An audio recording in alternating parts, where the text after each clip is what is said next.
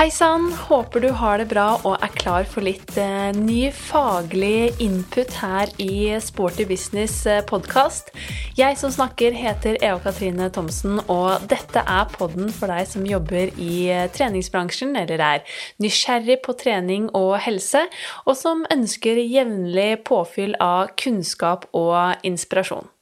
Selv om store deler av treningsbransjen vår dessverre fortsatt er i nærmest litt sånn kunstig koma, så begynner vi jo heldigvis nå å se lyset i tunnelen. Regjeringen la frem gjenåpningsplanen for samfunnet forrige uke, og selv om ikke treningsbransjen akkurat er i første rekke, selv om vi som jobber i verdens beste bransje gjerne skulle ønske det, så går det i hvert fall nå i riktig retning. Og vi har en eh, enormt viktig jobb å gjøre også når vi endelig kan ta hverdagen tilbake og åpne sentrene våre for fullt. Vi må bygge opp bransjen vår igjen, vi må få tilbake medlemmene våre, og ikke minst legge til rette for at flere nå kan finne sin plass ved treningssentrene. Så jeg håper derfor denne podden kan bidra til ekstra inspirasjon og faglig utvikling, også nå i tiden hvor det er litt stille, og selvfølgelig også i tiden fremover. I denne episoden så er jeg så heldig å ha med meg Marie Moltebakk. Hun har en doktorgrad i idrettsvitenskap fra Norges idrettshøgskole, og jobber nå bl.a. som utdanningskonsulent i Norges gymnastikk- og turnforbund. Vi dypdykker ned i temaet bevegelighetstrening, og jeg gleder meg skikkelig til å dele denne episoden med dere, for her er det ekstremt mye kunnskap å hente. Her får dere rett og slett det aller nyeste omkring bevegelighetstrening. Riktig god lytt. Hjertelig velkommen til Sporty business, eh, Marie. Tusen takk, hyggelig å være her. Veldig hyggelig at vi nå skal skravle om noe som du er lidenskapelig opptatt av, og som jeg også syns er veldig spennende, og som jeg gleder meg til å dele med lytterne våre og treningsbransjen. For det er jo et område som eh, Det fins jo forholdsvis begrenset forskning fortsatt i dag knyttet til dette med bevegelighetstrening som er dagens tema. Og det er jo det vi skal dypdykke inn i, og forhåpentligvis så skal lytterne våre lære masse nytt om dette temaet fra Jeg er ikke så veldig glad i ordet eller definisjonen ekspert, men i mine øyne så er jo du ekspert på dette temaet, så det gleder jeg meg til. For de som ikke kjenner deg så godt, har du lyst til å gi en liten eh, introduksjon av hvem du er? Ja, mitt navn er Marie Moltebakk, og grunnen til at du har invitert meg hit, tenker jeg, det er jo at jeg har tatt en doktorgrad som handler om bevegelighetstrening. Så den, eh, den tok jeg på Norges idrettshøgskole, ferdig for et par år siden nå. Og så kan jeg kanskje si litt om veien dit også. For min, min eh, bakgrunn er i utgangspunktet fra gymnastikk og turn. Jeg drev med rytmisk gymnastikk. Eh, konkurrerte, ikke på sånn kjempehøyt nivå, men, men var konkurranseutøver. Eh, så det var jo grunnen til at jeg havna på idrettshøyskolen. Ville lære mer om kropp, eh, prestasjonsutvikling, trening osv. Og, og så har jeg rota meg borti treningssenterbransjen på veien. Eh. Mm. Ja, for du jobber jo også i treningsbransjen som uh, instruktør. Hva vil du si er det beste med jobben i treningsbransjen? Ja, interessant spørsmål. Um, min rolle i treningsbransjen er jo først og fremst som gruppetreningsinstruktør. Um, den timen som jeg har fast nå for tida, er jo Zumba. Uh, men jeg har uh, vært til stede og, og gjennomført time både med med styrke, eh, slynge, spinning til og med. Eh, bevegelighetstrening innimellom. Hatt noen spesialtimer på det. Det beste med min jobb i treningssenterbransjen tror jeg må være at jeg får lov til å, å være med og hjelpe folk til å holde seg i form og, og kunne finne treningsglede. Mm. absolutt. Og det er jo utrolig givende også å være gruppeinstruktør, syns jeg sånn personlig. Det, det, gir meg så mye energi, det å kunne få lov til å bidra til at andre kan uh, lykkes med trening og se den gleden de opplever ved å være i fysisk aktivitet og trening. Men uh, det er jo ikke treningsbransjen eller i gruppetreningssalen du jobber fullt. Vi sitter jo nå på Idrettens hus, hvor du jobber i Turnforbundet. Kan du fortelle litt om hva du gjør i Turnforbundet, og hvordan arbeidshverdagen din ser ut? Det kan jeg godt. Min rolle i Norges gymnastikk- og turnforbund er jo som utdanningskonsulent. Så vi er en liten avdeling som jobber med å utvikle og, og gjennomføre trenerkurs på alle nivåer innen gymnastikk og turn og for alle våre greiner. Så det som jeg selv driver aller mest med, det er å, å produsere nye kurs. Være med å definere hvilke emner og, og, fagområder vi skal gjennom, og lage kursmateriell. Så har vi også litt delaktighet i å, å levere de kursene ut, så vi har vært ute og, og holdt noen kurs rundt omkring i landet. Um, men blant den viktigste oppgaven er jo da å lære opp trenerutviklere som reiser ut og gjør den jobben for oss etter hvert. Ja. Utrolig spennende. Og så vet jeg at uh, du jobber jo ikke bare her, du har jo ganske mange prosjekter og baller i luften på en gang, så du er jo også internasjonal dommer. Ja, for min idrett er jo rytmisk gymnastikk. Jeg eh, var aktiv selv der som utøver i mange, mange år. Eh, men har nok nådd lenger som dommer enn som, som utøver. Så, så jeg er internasjonal dommer på høyeste nivå og reiser rundt og dømmer mesterskap rundt omkring i verden. Kommer til verdenshjørner som man normalt aldri hadde oppsøkt uh, som turist. Veldig, veldig spennende um, å få oppleve det. Mm. Og nå har det kanskje blitt en del uh, online-dømming også i tiden vi er inne i? Ja, det har vært, det har vært noe konkurranseaktivitet online. Det er jo klart best for oss å få lov å være fysisk til stede på arenaen og sitte der og dømme, men når det ikke går, så trekker vi også til online, da. Men jeg gleder meg veldig til å kunne reise ut i verden igjen veldig ja. snart, håper vi. Det skjønner jeg veldig Krysser godt. Krysser fingrene for OL i Tokyo nå. Ja, ikke sant. Ja, det er jeg helt, helt enig i. Men vi skal jo, som innledningsvis nevnt, eh, dypdykke inn i dette emnet om bevegelighetstrening. Og som du nevnte, så har jo du da tatt en doktorgrad på nettopp dette emnet ved mm, Idrettshøgskolen, med eh, tittelen 'Effects of long-term stretching training on muscle tendon, morphology, mechanics and function'. Det høres jo veldig fancy ut. Kan ikke du fortelle oss eh, litt om eh, bakgrunnen for denne doktorgraden? Hvordan du kanskje endte opp med selve temaet, og på en måte hvorfor du ønsket å studere nettopp dette? Og ja, selv hvordan doktorgraden så ut i sin helhet?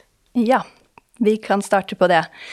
Eh, og da må jeg litt tilbake til min idrettsbakgrunn igjen. fordi at eh, som utøver i, i rytmisk gymnastikk, og etter hvert som trener i rytmisk gymnastikk, så jobber jeg jo veldig mye med bevegelighetstrening i praksis. Og så jo veldig godt hvordan langsiktig arbeid kan gi virkelig gode resultat. Sånn at da, jeg begynte på idrettshøyskolen eh, og tok bachelorgrad der, så kunne jeg alt om bevegelighetstrening. Eh, syntes jeg selv. og så begynner man å, å få vite det, det, som forskningen peker på, det som står i, i, lærebøker og som blir publisert internasjonalt. Og så oppdager jeg jo det at eh, her er det mye som er uavklart. Eh, eller kanskje til og med litt motstridende mine egne erfaringer. Ja. Fordi da jeg tok min masteroppgave og skulle begynne å gjøre min første, for, mitt lille forskningsprosjekt, så valgte jeg meg jo bevegelighet. Eh, og, og, hvilken effekt bevegelighet har på løp, løpsøkonomi og løpsteknikk osv. Og, og, og da måtte jeg dyp, dypdykke i litteraturen, og, og på den tida så, så, sa jo litteraturen det at bevegelighetstrening, det, at det gjør jo at man blir mer bevegelig, men det virker som alt sammen sitter i hodet. Altså at man lærer seg å tåle mer smerte, og that's it, da. Ja.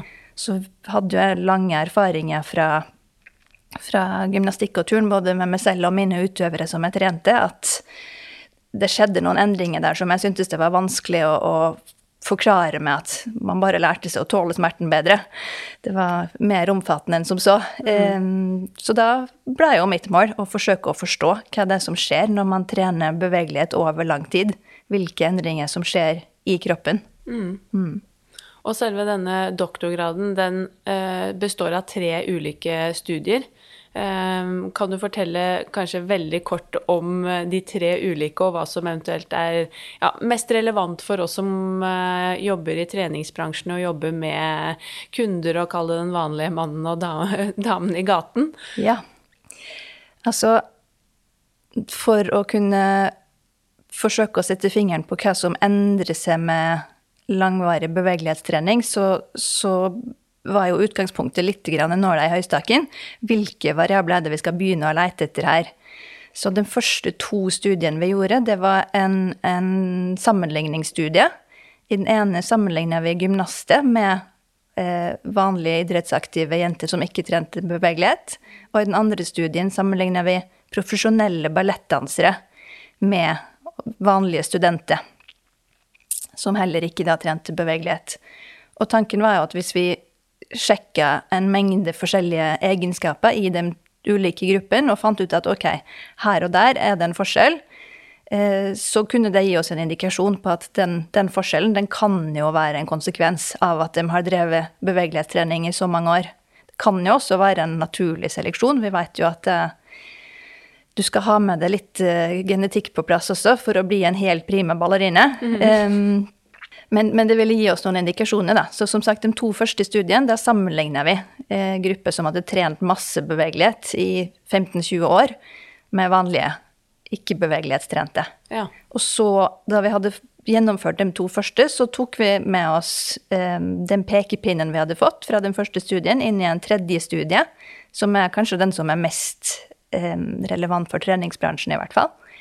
Som er da en, en treningsstudie der vi hadde studenter. Eh, mosjonsaktive. Eh, ikke toppidrettsutøvere, heller ikke sedate, men, men mosjonsaktive. Og eh, de trente bevegelighet i et halvt år. Ja. Mm. Og hva, hva, så dere, hva var resultatene, hvis vi fokuserer litt på den siste studien, da? Hva er det dere sitter igjen med sånn, de, i de store linjene? Mm. Eh, en ting som er viktig å legge merke til angående den studien, det er jo at våre forsøkspersoner de fikk trene den ene sida av kroppen. Altså vi, vi, trente bevegelighet for ankelen, for dorsalfleksjon. Og så trente vi bevegelighet for bakside lår, eh, hamstrings, setemuskulatur. Og de trente den ene sida, og så brukte vi den andre sida som kontroll. Og, og, grunnen til at vi ønsker å gjøre det, var jo først og fremst at over så lang tid som et halvt år, så skjer det en, til, en del ting med et menneske. Um, man kan bli sprekere, man kan være syk en periode. Uh, klimaet endrer seg, årstida endrer seg, fottøyet endrer seg, og alt det kan jo virke inn litt på bevegeligheten, men det vil i hvert fall virke likt på begge sider. Mm. Uh, sånn at vi tenkte jo da at ved å trene bevegelighet bare for den ene sida, så kan vi være ganske sikre på at det som skjer på den ene sida, det skyldes treningen vår, og ikke at årstida har endra seg, f.eks. Ja. Så um, ble vi litt grann overrasket, fordi det viste seg at den forsøkspersonen den ble jo mer bevegelig. Ikke bare på den sida de trente, men også litt grann på den andre sida. Ja.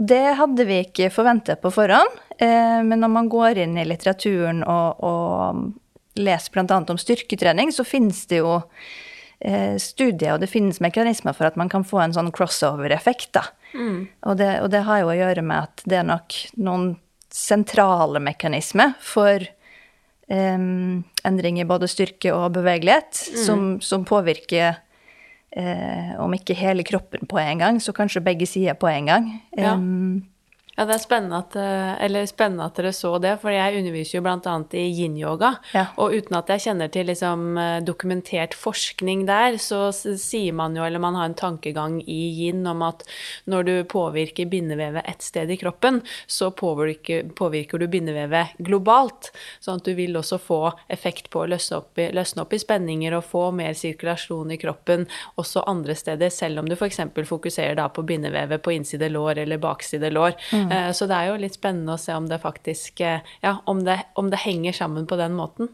Ikke sant. Veldig spennende. Og det var jo da ikke en effekt som vi hadde forventa å se, og det som går på eh, nerv... For dette her har jo å gjøre med hjernen og nervesystemet og, og styring av eh, nervesignaler og sånt. Det er derfor vi tenker at eh, hvis hjernen lærer seg å styre og, og, og, gjøre noen endringer i nervestyringa til den ene sida, så kan det godt tenkes at det også påvirker den andre sida. Det er kortfatta teorien bak, da. Ja. Så det er klart at um, alt det som um, kan, kan, styres via nervesystemet, men også kanskje det som kan styres via blodbanen og, og molekyler som finnes i blodet vårt, det vil jo teoretisk sett kunne påvirke um, flere deler av kroppen. Nå er jo ikke det det nevrale mitt spesialfelt. Mitt spesialfelt er jo mer innenfor biomekanikk, eh, fysiologi, lokalt ute i muskel, sene, bindevev osv. Så, så det var jo ikke en hovedvariabel i våre studier, men det er jo klart et område som det er viktig å, å forske videre på for å mm. forstå bedre det ja. her med at trening av én kroppsdel eh, vil muligens påvirke egenskapen i en annen kroppsdel. Det er jo vist, som sagt, for, for styrketrening at man blir litt sterkere på motsatt side også. Mm. Og våre studier tyder jo på at det også gjelder for bevegelighet. Men her må det forskes mer. Ikke sant. Men eh, ja, så dere så jo da at eh, de ble økte bevegeligheten også på den eh, siden som de ikke eh, trente. Men hva annet så dere, eller hvor mye bevegelighetstrening gjorde de i løpet av det halvåret, og hvor stor fremgang fikk de? Ja. Jeg kan begynne med å beskrive det treningsopplegget som de gjorde. Um, og det treningsopplegget er jo egentlig ganske nært opp til det som jeg tenker er en dosering av bevegelighetstrening som jeg vil anbefale hvis man, øk, eh, hvis man ønsker å øke bevegeligheten sin eh, ganske solid over tid, da. Mm. Fordi den forsøkspersonen trente da statisk bevegelighetstrening. Det betyr at man inntar en stilling og holder den en tid. Og de holdt da i ett minutt av gangen. Men så gjentok de hver øvelse fire ganger. Ja. Så det betyr at for hvert ledd man trente, så, så trente man fire ganger ett minutt. Det gjorde de hver dag. Ja. Sju dager i uke i da 24 uker. Og så var vi jo nøye med å si til dem, og som jeg sier til folk som spør meg om bevegelighetstrening, også at man vil nok få god fremgang med å trene mindre enn sju dager i uka òg. Så mine forsøkspersoner fikk jo beskjed om å holde det i gang, selv om de kanskje oppdaga at de hadde glemt en dag, eller den type ting. da. Mm. Så det var jo ingen av dem som, som gjennomførte 100 av de, av de øktene vi ba om. Um, men uh, de fleste kjørte mellom seks og sju økter i uka. Ja. Så det var vi fornøyde med. Så det var doseringer. Fire, fire repetisjoner av ett minutt daglig gjorde vi. Og du spurte hvor stor fremgang den fikk. I snitt så var jo da fremgangen for ankelbevegelighet på 11 grader. Og jeg vet ikke om det sier så mye, det høres muligens ut som en ganske liten vinkel. Men hvis vi tenker på at normal bevegelighet i ankelen den er på rundt 20 grader, så er jo 11 eh, grader omtrent 50% av det. Og så skal det sies at det var veldig store individuelle forskjeller. Så det var noen som Det var vel ingen som gikk tilbake i bevegelighet, men det var noen få som bare økte med et par-tre grader, og så var det noen som økte med mye mer enn 11, som var oppe i over 20. Ja. Og, og, årsaken til det, det blir jo bare spekulasjon, om det hadde å gjøre med om de slurver med øvelsen eller ikke, eller om noen er mer mottagelig for bevegelighetstrening enn andre. Det, det skulle jeg gjerne likt å vite, men det var ikke hovedfokus i våre studier, da. Nei, jeg skjønner. Men sånn uh, helhet uh, gjennom disse tre studiene, hva er det du uh, sitter igjen med da av kunnskap knyttet til bevegelighetstrening og dette muskel-sene-apparatet? Ja, da må vi jo litt tilbake til målet mitt om å forstå hva er det som skjer i kroppen. Fordi har, til nå har vi jo bare snakka om leddvinkelen. Hvor mange grader kan du oppnå i de forskjellige leddene og sånt. Og det som vi snakket om i starten, det kan man jo oppnå bare ved å lære seg å tåle mer smerte, eller ved å bruke bedøvelse eller noe sånt. Så, så de litt mer interessante dataene våre går jo litt mer på, på muskelaktivering, på senestivhet, på, på passiv motstand mot tøyning. Vi kan kanskje snakke litt om den passive motstanden, fordi alle som har prøvd i hvert fall å tøye en annen person, men kanskje også seg selv, har nok kjent at når man beveger et ledd i retning av etterstilling, så er jo det veldig, veldig lett sånn i starten, og så blir det litt tyngre, og du skal sette inn litt mer krefter, og så kommer man kanskje til et punkt der det er litt sånn nesten som en stopp. Um, og det er jo den passive motstanden som, som leddet gjør mot den tøyningen. Og selvfølgelig altså den passive motstanden kan jo, det kan jo være en helt fysisk stopp som, som kommer av at knokkel møter knok knokkel eller noe sånt, og da mm. hjelper det jo ikke å tøye. Det ønsker vi jo ikke å tøye på. Men i de fleste tilfeller så er det jo det at muskel-senesystemet ikke har noe særlig lyst til å strekkes lenger. For muskel-senesystemet har jo sin naturlige lengde, og det kan jo endre lengde ganske brukbart. Det gjør jo, altså Musklene våre endrer jo lengde hele tida når vi beveger oss. Mm. Um, men den beveges ikke så veldig eh, nær ytterstilling, kanskje.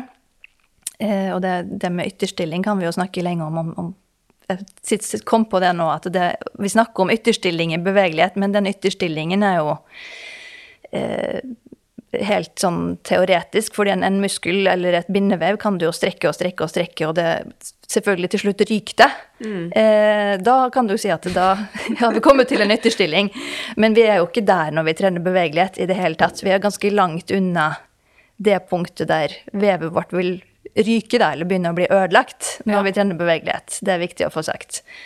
Um, men vi snakker om den passive motstanden, og den øker eh, veldig mye etter hvert som man begynner å nærme seg den teoretiske ytterstillingen som vi snakker om nå, da. Mm. Og vi målte jo eh, den motstanden gjennom hele bevegelsen hos våre forsøkspersoner. Og det som jeg var veldig glad for å kunne klare å dokumentere, var at den motstanden mot den tøyningen, den gikk ned. Ja. Etter at man hadde trent bevegelighet over en periode, da. Mm. Og det eh, er jo en indikasjon på at den bevegelighetstreningen, den medførte noen endringer som vi kunne finne igjen der ute i leddet. Altså Det vil si at det handler ikke bare om å tåle mer smerte. Det kan jo hende at den passive motstanden, altså det at vi målte mindre motstand mot tøyningen etter bevegelighetstrening, at det kom av at muskulaturen slipper litt bedre av.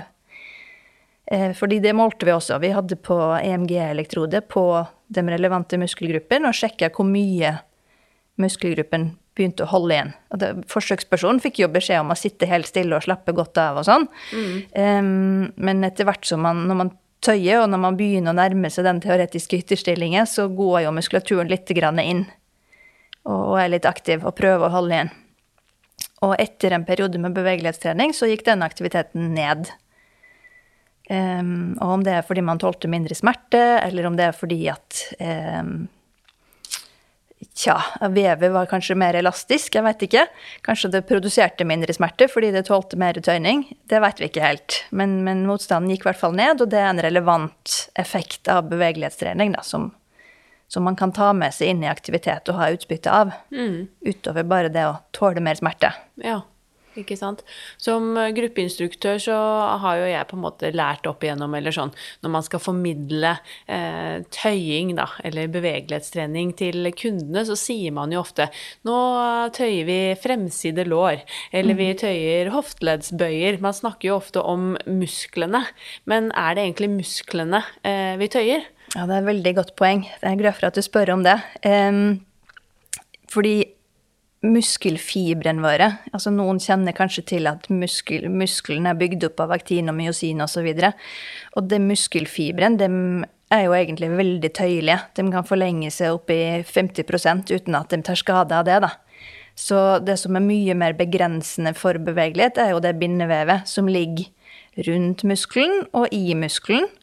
Eh, sene er også lagd av bindevev. Den er også mye mindre tøyelig enn den 50 som jeg snakka om for muskelfibren. Ja. Så det er klart at når man gjør en tøyning, så blir jo muskelfibren også for lenge. Men begrensningen, altså det som gjør at vi etter hvert stopper opp, det er høyst sannsynlig eh, bindevev, og ikke selve muskelfibren. Men det er klart at eh, kunden våre eh, forstår seg jo kanskje ikke på Og jeg veit ikke selv hva vi skal kalle det bindevevet som er der nede rundt gastrocnemius, f.eks., eller rundt hamstrings. Så, så, det er vanskelig for oss å referere til det konkrete bindevevet. Så det er jo en lettvint løsning å si at vi tøyer forside lår, ja. enn eller hamstrings, f.eks. Mm, helt klart, og det er jo lettere for eh, ja, kundene våre å oppfatte, og så kan man peke på liksom, eller ta på kroppsdelen, og så får mm. man et mer bevisst forhold til ok, hvor skal jeg kjenne det nå, ja. hva er fokus? Men det er jo i hvert fall greit at vi som fagpersoner vet hva det er som egentlig skjer når mm. vi eh, tøyer i gåseøyne mm. muskulaturen. Riktig. Og jeg syns jo eh, det er veldig fint at du starter med å si la oss tøye forside lår. Fordi forside lår peker jo ikke konkret på verken muskelfibre eller bindevev eller hva det er. Det mm. indikerer en sone av kroppen. Ja. Så det er jo helt riktig å, å, kalle det for det. Det er sant. Mm. Mm. Så hvis man ønsker å prøve å være litt mer presis og på en måte ikke forvirre kunden vår så mye om at det er musklene våre som er for korte, så kan man jo øve seg på å snakke om å tøye eh, forside lår, bakside legg, forside bryst osv. Mm. Heller enn å referere til muskelnavn, da. Ja helt klart. Men når vi er inne på dette med tøying og bevegelighetstrening Nå har jo jeg brukt de to eh, ordene egentlig om hverandre så langt. Eh, og det er jo i hvert fall eh, Ja, i treningsbransjen da så opplever jeg at vi snakker om tøying, vi snakker om bevegelighetstrening, vi snakker om stretching. Det er jo en litt sånn eh, grøt av ulike begrep. Hva er forskjellen på disse begrepene, og hva er definisjonene, og er det en forskjell? Er veldig bra at du tar opp det også, for her opplever jeg ganske mye forvirring. Og jeg vil jo si egentlig at det norske begrepet tøying eh, er kanskje roten til mye av forvirringen. Eh, fordi man, det er lett å bruke tøying om alt. Det er en, en slags sekkebegrep, tenker jeg. Og oppi den sekken så kan man putte både bevegelighetstrening og uttøyning og så videre og så videre. Um, så man gjerne bruke ordet tøyning. Du har brukt det helt fint til nå i dag, så skal fortsette å sjekke.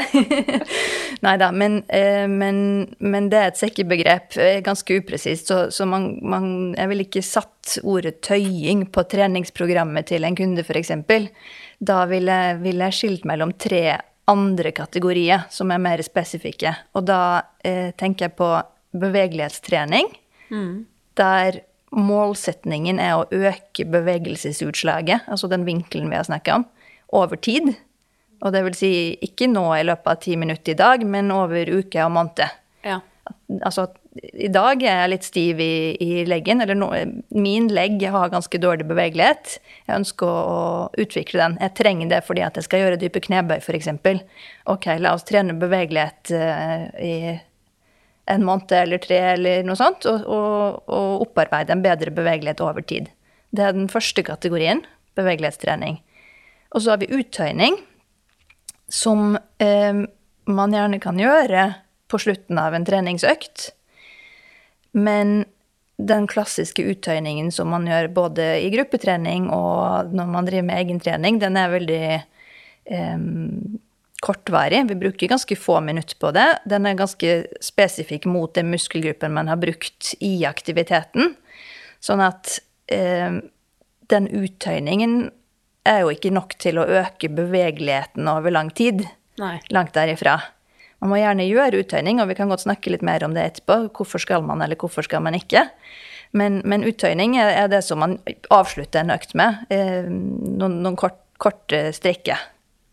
Og så den tredje kategorien, det er at man i et oppvarmingsprogram som forberedelse til aktivitet gjerne også kan bruke noen type tøyninger for å gjøre seg klar.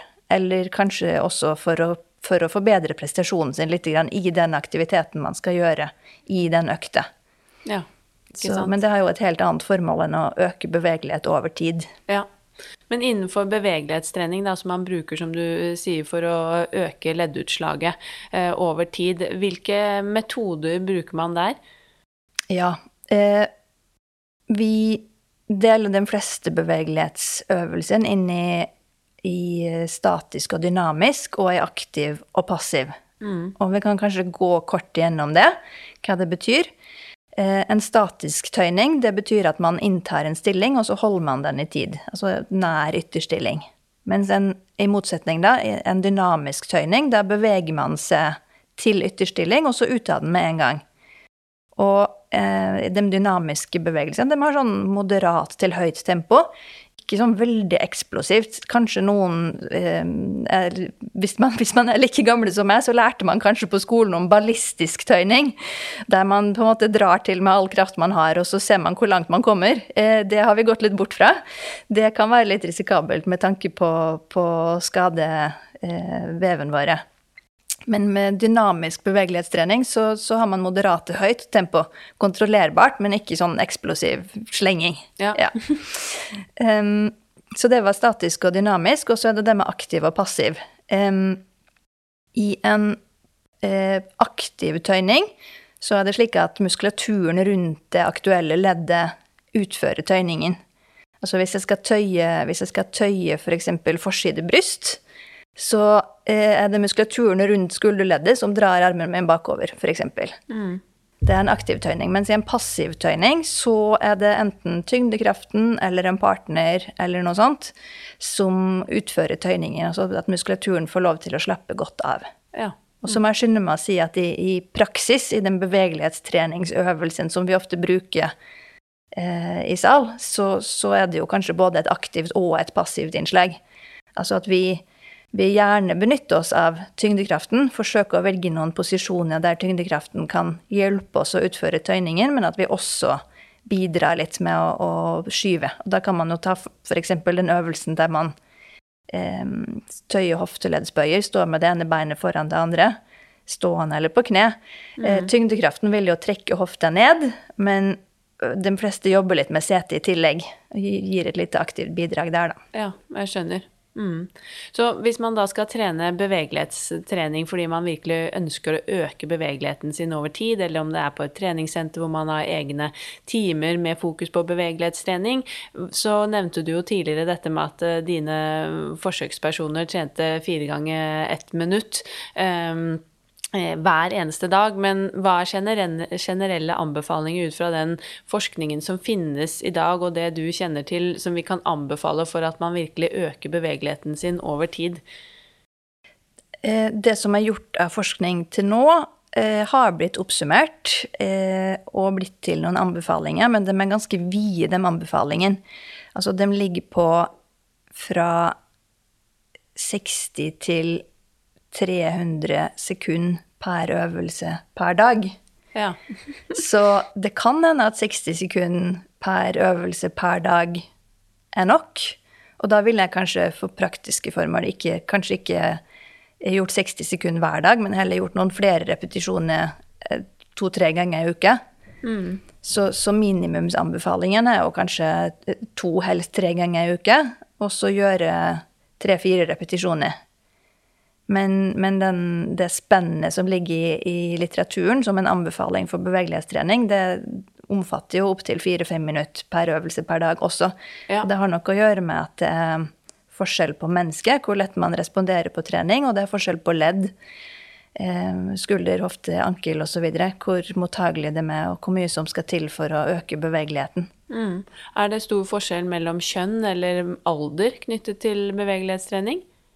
Eh, ja og nei. Helt i snitt så er jo kvinner litt mer bevegelige enn menn. Mm. Man, hvis man tar 1000 mennesker og måler dem, så kommer kvinnen litt bedre ut. Men her er det jo veldig store individuelle forskjeller. Og det er også eh, viktig å legge merke til at bevegelighet er jo spesifikt for hvert ledd. Um, så det vil si at du er kanskje kjempebevegelig i skulder, og veldig stiv på bakside eh, sete, lår, bein. Mm. Um, så det, det, er ganske få mennesker som er superbevegelige overalt, eller superstiv overalt. Så, så, det er nok større individuelle forskjeller ja. eh, enn en at man kan si at alle kvinner er mer bevegelige enn menn. Mm. Hvor mye spiller alder inn?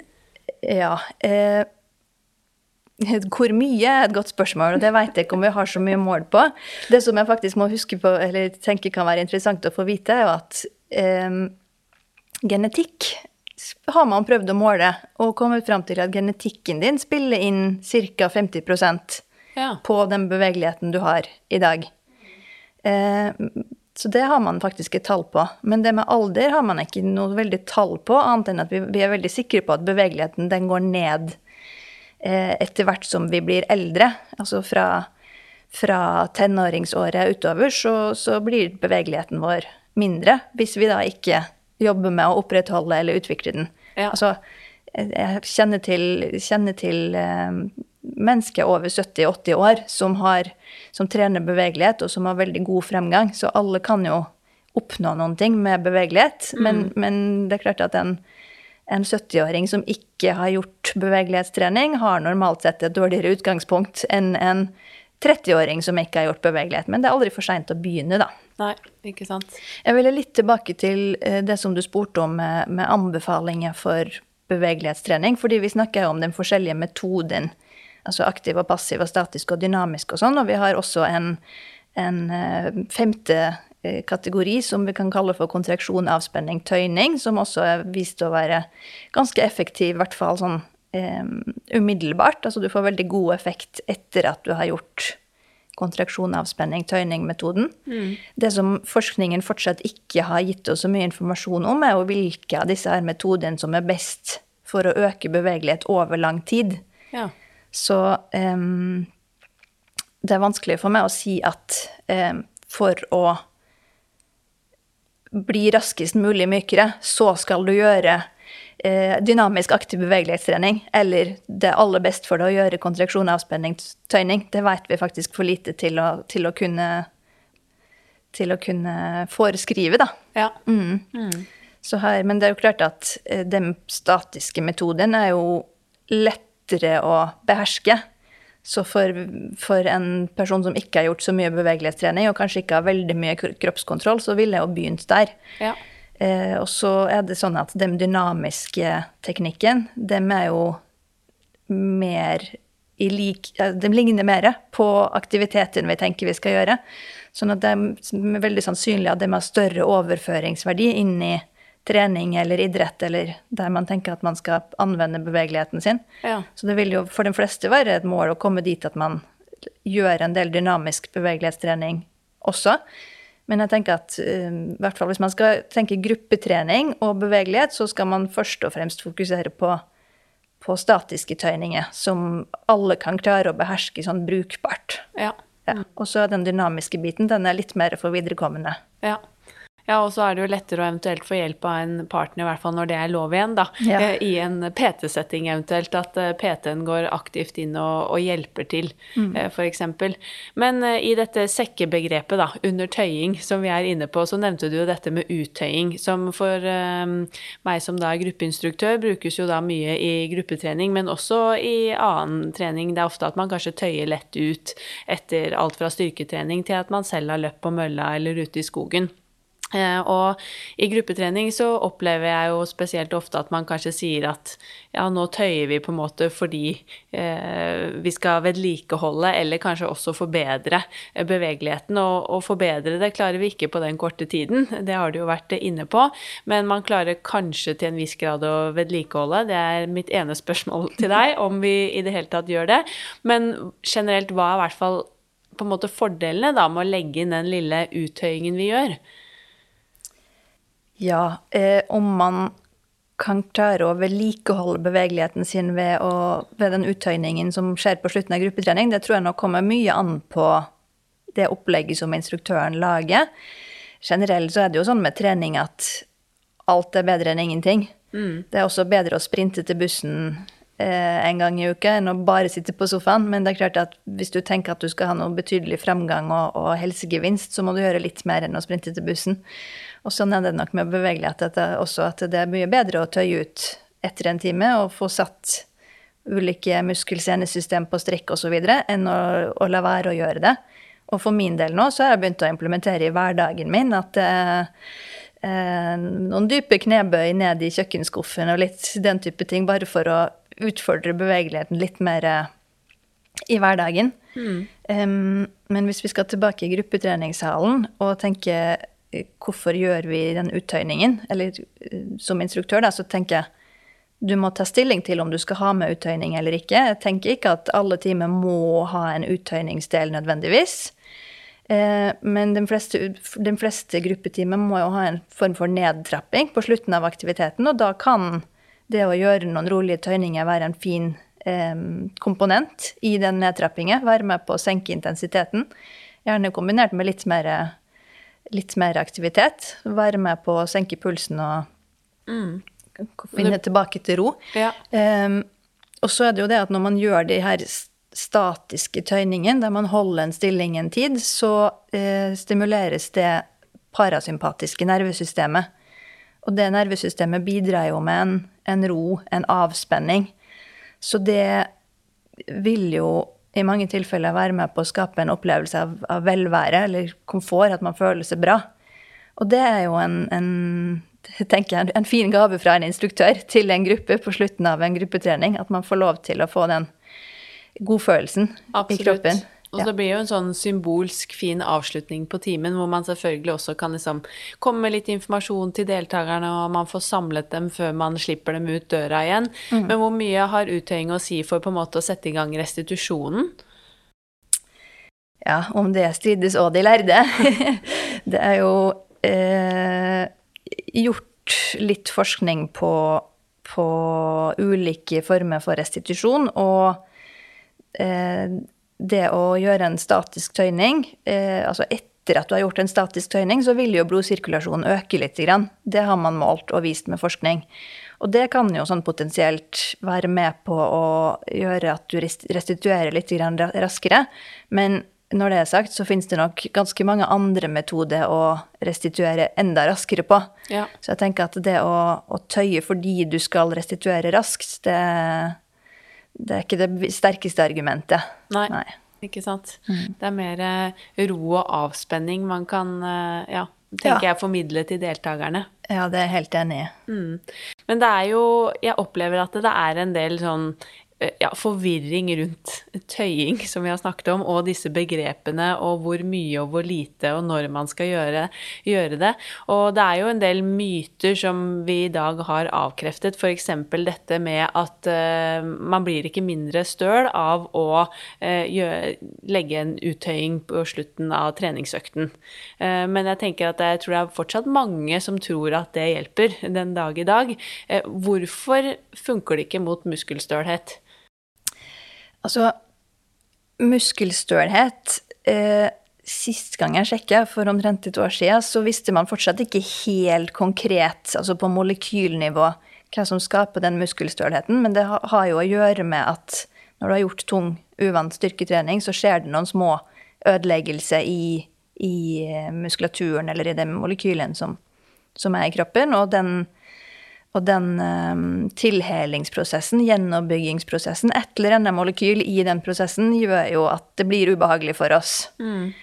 Um, men det å tro at vi kan ta bort den tilhelingsprosessen ved å tøye litt, det er jo ganske misforstått. Eh, den, den, prosessen er jo Altså, det er jo ubehagelig. Det gjør jo vondt å være støl, men det er jo positivt på den måten at man, man blir sterkere av det. Mm. Så vi ønsker jo ikke å fjerne det, egentlig. Um, om noen ting så, så og det, det, er jo en annen myte som, vi, som, det er mulig du har på lista di allerede, men det her med at, at, det er farlig å tøye etter at man har gjort styrke, ja. det handler jo om at sant, hvis, hvis den styrketreninga har vært såpass brutal at det har skjedd noen sånne små mikroskader i muskulatur eller, eller bindevev, så kan det å tøye oppå der igjen um, bidra til å gjøre dem skaden enda litt større, og da tar jo i hvert fall restitusjonen enda lengre tid. Mm. Eh, det er ikke sikkert man mister effekten av den treningen man har gjort av den grunn, men, men det er en unødvendig lang restitusjonstid, da. Ja. Men det skal understrekes da at det gjelder jo for de ekstremt harde, uvante styrketreningsøktene. På slutten av det så kan man la være å legge inn sånn veldig seriøs bevegelighetstrening, vil jeg si. Ja. Det er ingen grunn til å legge bevegelighetstrening jeg sier, rett etter det. Um, men, men har du trent en ordinær styrketreningsøkt, eh, som er Altså, du er vant til å trene styrke, du har en naturlig progresjon i det. Um, og du syns det er komfortabelt å, å, tøye ut litt etterpå, så må du gjerne fortsette å gjøre det, tenker jeg. Ja. Det er jo, selv om du kanskje ikke blir noe mindre støl av det, så, så, handler det om at eh, det velbehaget man får med seg. Den lille Ja, en gulrot til seg selv på slutten av økta, mm. den, den, kan man gjerne få. Og Ja. hvis det er noen som er veldig sånn eh, litt i harnisk nå, som føler at ja, men, men, men, jeg må jo tøye ut, jeg blir jo mindre støl av det, det kjenner jeg jo på min egen kropp, slutt å tulle, så, så tenker jeg at da kan man jo bare ta en test. Har man trent en, stung, en tung styrkeøkt og vet at dette her blir jeg antagelig støl av, så tar man testen at man tøyer ut bare den ene sida. Tøyer ut det ene beinet, den ene eh, skuldra osv., og, så videre, og så kjenner du den neste dagen om det er noe forskjell eller ikke. Ja. Ja. ja, og så tenker jeg at uh, hvis man føler at det kjennes veldig bra ut å tøye, og man skal jo ikke undervurdere placeboeffekten heller, så hvis folk sånn rent psykisk føler at det hjelper, så må de jo gjerne tøye. Men igjen så handler det jo om at i hvert fall vi som jobber med dette, da, vet hva vi skal formidle til de menneskene vi møter som kommer til oss for å lære uh, hva som faktisk skjer. Ja. Men uh, jeg har jo også hørt noen si at ja, du må ikke tøye, da, eller gjøre noen form for stretching f.eks. underveis i en styrkeøkt, fordi at da mister du litt eksplosivitet f.eks. i muskulaturen. Eh, Er det bare en myte, eller er, er det noe i det? Det er i hvert fall en veldig forenkling. eh, For akkurat det har det vært gjort noen forskningsprosjekt på nå de siste året. Og de studiene har vist at ja, hvis man gjør omfattende bevegelighetstrening, det vil si at man holder en stilling i betydelig mer enn et minutt, så vil eksplosiviteten og kraftutviklinga den vil gå litt grann ned, i hvert fall i noen få minutter etterpå. Så, eh, så det å holde en tøyning, og altså kjøre den bevegelighetstreningstype øvelsen rett før du har tenkt å prestere i en styrkeøvelse, det vil jeg nok fraråde. Ja. Men hvis man holder en stilling kortere enn et minutt, eller helt opp til et minutt, så, så er det vist at det har ingen effekt på eksplosivitet og kraft osv. Og, og eh, om man kjører langvarig tøyning, altså hold, la oss si at man holder halvannet minutt og gjør flere repetisjoner av det, og så fortsetter man med eh, et oppvarmingsløp, sånn at det går mer tid, 15-20-30 minutter, fra man har gjort den tøyningen til man tenker at man skal prestere i en eller annen kraftøvelse, Ja. så har det heller ingenting å si. Nei. Så det er, det er noen ganske sjeldne spesialtilfeller at man Ja. vil kunne miste litt kraft eller eksplosivitet. Så man kan fint legge inn eh, litt eh, bevegelighetstrening i pausene når man eh, trener styrke. Ja, og, men, men ikke sant, skal man gjøre det, så vil jeg jo anbefale at man velger seg noen andre ledd enn akkurat det man jobber med styrke. ikke sant? Hvis du kjører knebøy, f.eks., og skal gjøre tre-fire sett av det, så kan du jo trene bevegelighet på skulder imens. Og så litt seinere i programmet ditt har du kanskje noen, noen styrkeøvelser for overkropp, og da kan du trene bevegelighet for bakside lår. Ja. Sånn at du um, Det kan jo være en fin måte for mange å lure inn litt bevegelighetstrening på, Ikke hvis man ikke er så flink til å gjøre det på, på egen hånd. Mm. Men eh, en annen ting som i hvert fall jeg opplever i, i bransjen stadig er et spørsmål fra kunder, det er jo typisk på yogatimer eller andre bevegelighetstreningstimer, og så er det 'Å nei, det er altfor kaldt', de vil ha det mye varmere, og det er mye bedre hvis det er varmere. Eh, hva, hva sier du til det? Har eh, varme, kulde, har det en stor betydning på effekten av eh, bevegelighetstrening eller uttøying? Um, også et veldig interessant tema, og jeg er veldig glad for at du stiller så spesifikt spørsmål, men jeg skal gjøre det litt mer generelt først. Eh, fordi kroppen vår, vevene veven i kroppen våre, vil jo være mer tøyelige når det er varmere. Em, så det betyr at eh, hvis, hvis du gjør en Prøver å gå til ditt maksimale maksimal bevegelsesutslag utendørs når du ikke har gjort noe aktivitet og det er minusgrader, så kommer du jo kortere enn hvis du er inne i en sånn hot yoga-setting. Bare pga. temperaturen. Men eh, effekten av den treninga du gjør, eh, tror vi ikke eh, vil være noe ulik om du tøyer et sted der det er litt kjølig, kontra et sted der det er litt varmt. Ja. Altså, det betyr Jeg vil ikke anbefale at du varmer opp stua di til 40 grader fordi at nå skal jeg gjøre en bevegelighetstreningsøkt og skal ha kjempeutbytte av den. Ja, du vil være mykere akkurat der og da, men når temperaturen i rommet går ned, så går temperaturen i veven dine også ned, og da er det mindre elastisk igjen. Ja. Det er litt sånn som iskrem, egentlig. Den er kald i fryseboksen, og så står den på benken en halv time, og da er den myk, men den blir kald når den går inn igjen, Ja. eh, og da blir den stiv. så, så, men, men det er klart, det er også et område som man godt kunne forske mer på for å være sikrere, men til nå er det ingenting som tyder på at effekten av treningen blir bedre av Nei. at det er varmere. Og faktisk i mitt, i mitt forskningsprosjekt så fikk mine forsøkspersoner lov til å gjøre sine tøyninger uten å varme opp med noe sånn spesifikt oppvarmingsprogram.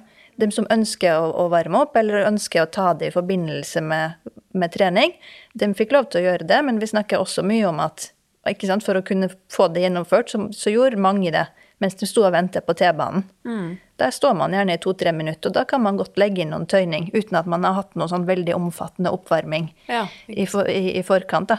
Men det skal jo, da skal jeg minne om at mine forsøkspersoner gjorde statiske tøyninger, der man holder en stilling over tid. Ja. Det er veldig lite risikabelt altså, at du pådrar deg en skade når du gjør det uten å være gjennomoppvarme.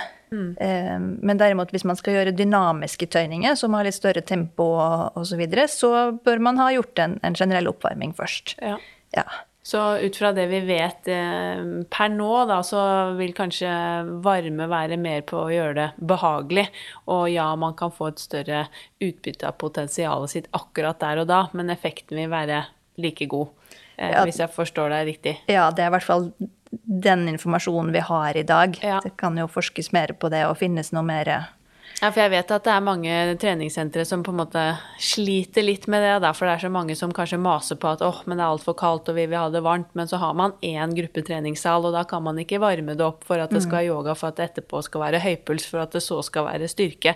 Så at man må jo da finne en jevn temperatur, og det vil være ventilasjon der, og da kan det jo være fint å kunne formidle dette også til kundene, sånn at de skjønner det, og at det ikke er kjempekrise, at det ikke er så varmt, eksempel. Ja, Da vil jeg bare fokusert på at det ikke er skadelig å gjøre statiske tøyninger selv om det er litt kjølig, og det er lite som tyder på at man får noe bedre effekt av det selv om det er varmere, men selvfølgelig føler man seg mykere når det er høy Ja. temperatur, og det er jo mer komfortabelt, men at man får være trygg på at effekten kan være like god, og risikoen for skade er like liten. Ja. Vi skal begynne å runde av, men eh, jeg har et eh, spørsmål til på lista mi i hvert fall, som jeg er veldig nysgjerrig på. Og det er jo også det at jeg har hørt at det å at, eh, Igjen under dette sekkebegrepet, hvis vi nå går til dette med tøying eller stretching som en del av oppvarming, så har man hørt at det reduserer eh, risikoen for skader. Hvor mye vet vi om det? Ja, ganske lite, vil jeg si. um, og årsaken til at vi vet ganske lite om det, er jo at det er, skal så veldig mange skader til før man kan si at noen ting har hatt en, en effekt eller ikke. Nå husker jeg ikke tallet fra den studien eksakt, men det har, det har vært em, det har vært en, en norsk studie som har beregnet eh, hvor stort antall skader du må oppnå i en gruppe for å kunne si at programmet som har forårsaka Eller som, som skulle ha forebygga den skaden, har hatt en, bare en liten effekt, og det er et heftig antall skader. Så det betyr at du må Ja. antagelig rekruttere tusenvis av deltakere og trene dem over ja, eh, mange måneder eller kanskje år før du kan begynne å, å ha et antall treningstimer og et antall skader der du kan si at ja, den treningen har hatt effekt. Ja. Så, så alt som har å gjøre med det å, å, å dokumentere effekt på skadeforebygging, er veldig veldig vanskelig. Men det skal sies at altså, det, det er publisert noen treningsprogram. Eh, kanskje noen har hørt om et program som heter Fifa 11, eller 11 pluss, har de vel kommet opp i nå. Eh, som har fått en dokumentert effekt på skadeforebygging, men slike program jo, har jo nå mange komponenter i seg. Altså, eh, det er noen dynamiske bevegelighetsøvelser også i det Fifa-programmet eh, for hofte, men, men det er satt sammen med, med løping og hopping og, og kraftutvikling osv. Så, videre, og så, videre. så det er vanskelig å sette fingeren på at det er en komponent, f.eks. bevegelighet, som, som gir det utbyttet. Ja. Og den, det å investere i å gjennomføre et sånn så storskala forskningsprosjekt og undersøke bare én faktor, f.eks. bevegelighet, det, det er en enorm investering. Ja. Så, så derfor gjør få det. Jeg skjønner. Mm. Men det kommer jo, jeg tenker hvis man, hvis man tenker litt pragmatisk på det, så kommer det jo an på hva du skal gjøre.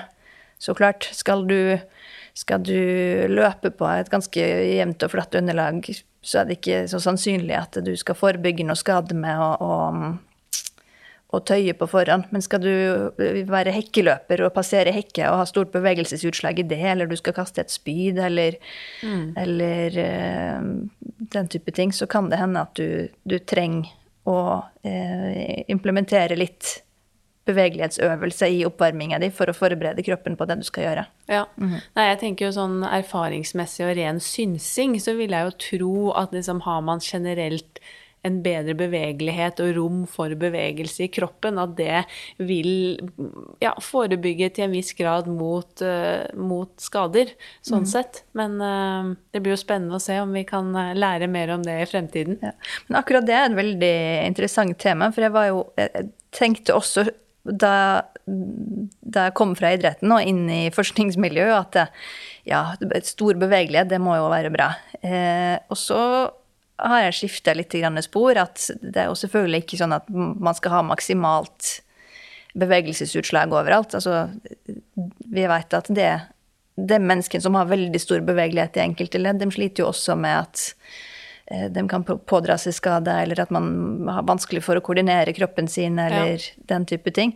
Så jeg tenker at det, nå, eller nå er i hvert fall min innstilling at det finnes en optimal bevegelighet for alle mulige oppgaver som du kan finne på å gjøre i, i livet ditt. Og, og, så kommer det jo veldig an på om den oppgaven er å rusle i gata, eller å trene knebøy, eller å danse ballett, hva som er optimalt for, for dine behov, da. Mm.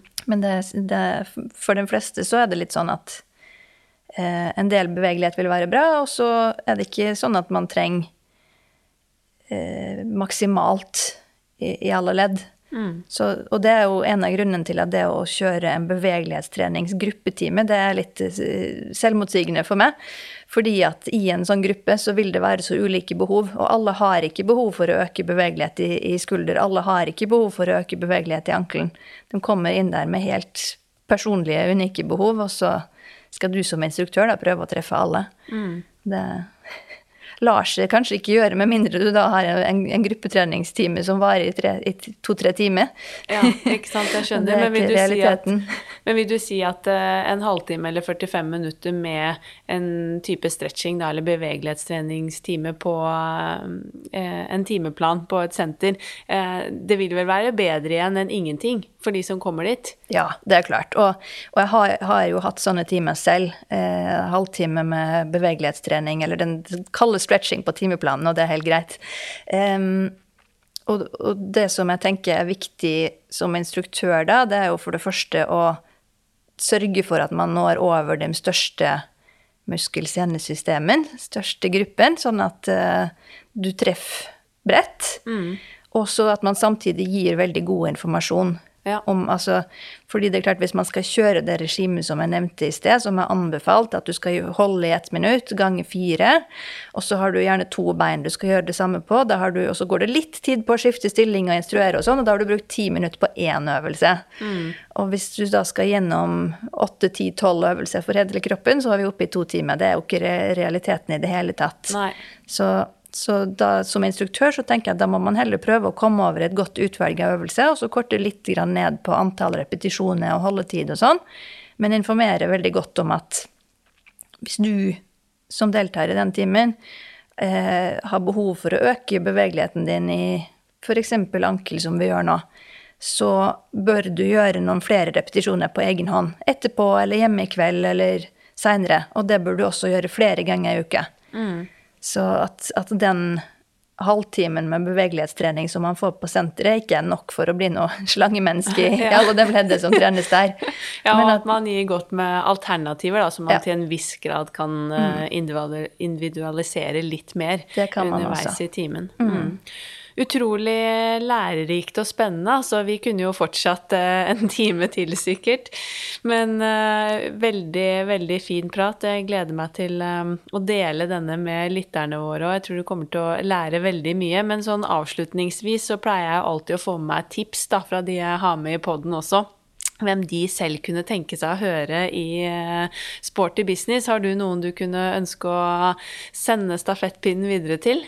Du, jeg har to innspill til det der. Eh, for du har jo en sånn liten liste over spørsmål om på en måte hvordan man havna i treningsbransjen og, og, og, og, den biten der. Og jeg lurer på, du har ikke delt din egen historie ennå. Kanskje du skulle invitere noen til å intervjue det, så vi får ta del i din, i din reise? Kanskje det, ja. Mm, Ja. Ikke sant? Ingen dum idé. Nei, da må du bare skaffe deg en ny stjernereporter. Ja. Og hvis du vil ha en gjest i stedet, så tenkte jeg å foreslå Silje Blindheim. Mm. Som driver med bl.a. basisball og personlig trening og gruppetrening og mye forskjellig. forskjellig. Spennende dame. Veldig dyktig dame. Kjempegodt tips. Det skal jeg virkelig ta med meg videre. Tusen eh, hjertelig, hjertelig takk for at du tok deg tid eh, til å stille opp i Sporty business, Marie. Bare hyggelig. Altså, for en kunnskapsrik og inspirerende dame. Jeg lærte så utrolig mye selv gjennom eh, praten med Marie, og det håper jeg virkelig du også gjorde. Jeg syns jo selv podkastformatet er perfekt for å lære nye ting, spesielt i en hverdag der man kanskje ikke har tid til å fordype seg i tunge fagartikler. Og da er det jo perfekt å få en dyktig fagperson som Marie på besøk, og rett og slett få forskningen og kunnskapen rett inn i øret. For det er utrolig mange spennende problemstillinger, spørsmål og aspekt knyttet til dette med bevegelighet, og vi har veldig mye mer å lære, så jeg gleder meg til å se hva idrettsforskningen bringer i tiden fremover, og det spørs nok ikke om eh, Marie må komme tilbake på besøk eh, senere i podden. Vi poddes jo igjen om to uker. I mellomtiden håper jeg vi sees gjennom skjermen på Inspartum Online Experience 24. april.